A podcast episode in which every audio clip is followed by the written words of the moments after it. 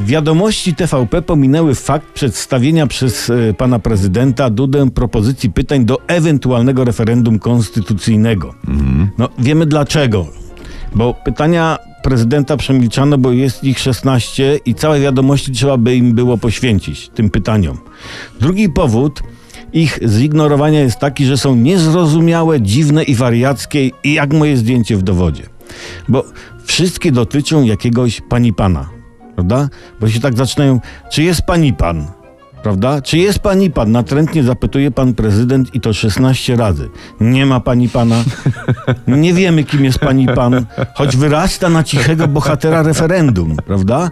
I w wiadomościach TVP nie mówiono o pani panie, bo trwają tam chyba wysiłki, by zorientować się, kto zacz ten pani pan, jak ma na imię. A może to jest jego imię? Gdzie pracuje? Jakie jest jego hobby? Czy lubi dziewczyny w ogniu? Znaczy te girls on fire.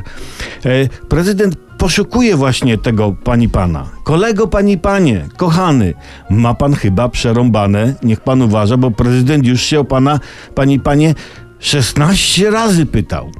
Prezydent pyta, czy jest pani pan za wzmocnieniem, a może jest za konstytucją, a może jest za kredensem. Nie wiadomo, za czym jest pani pan.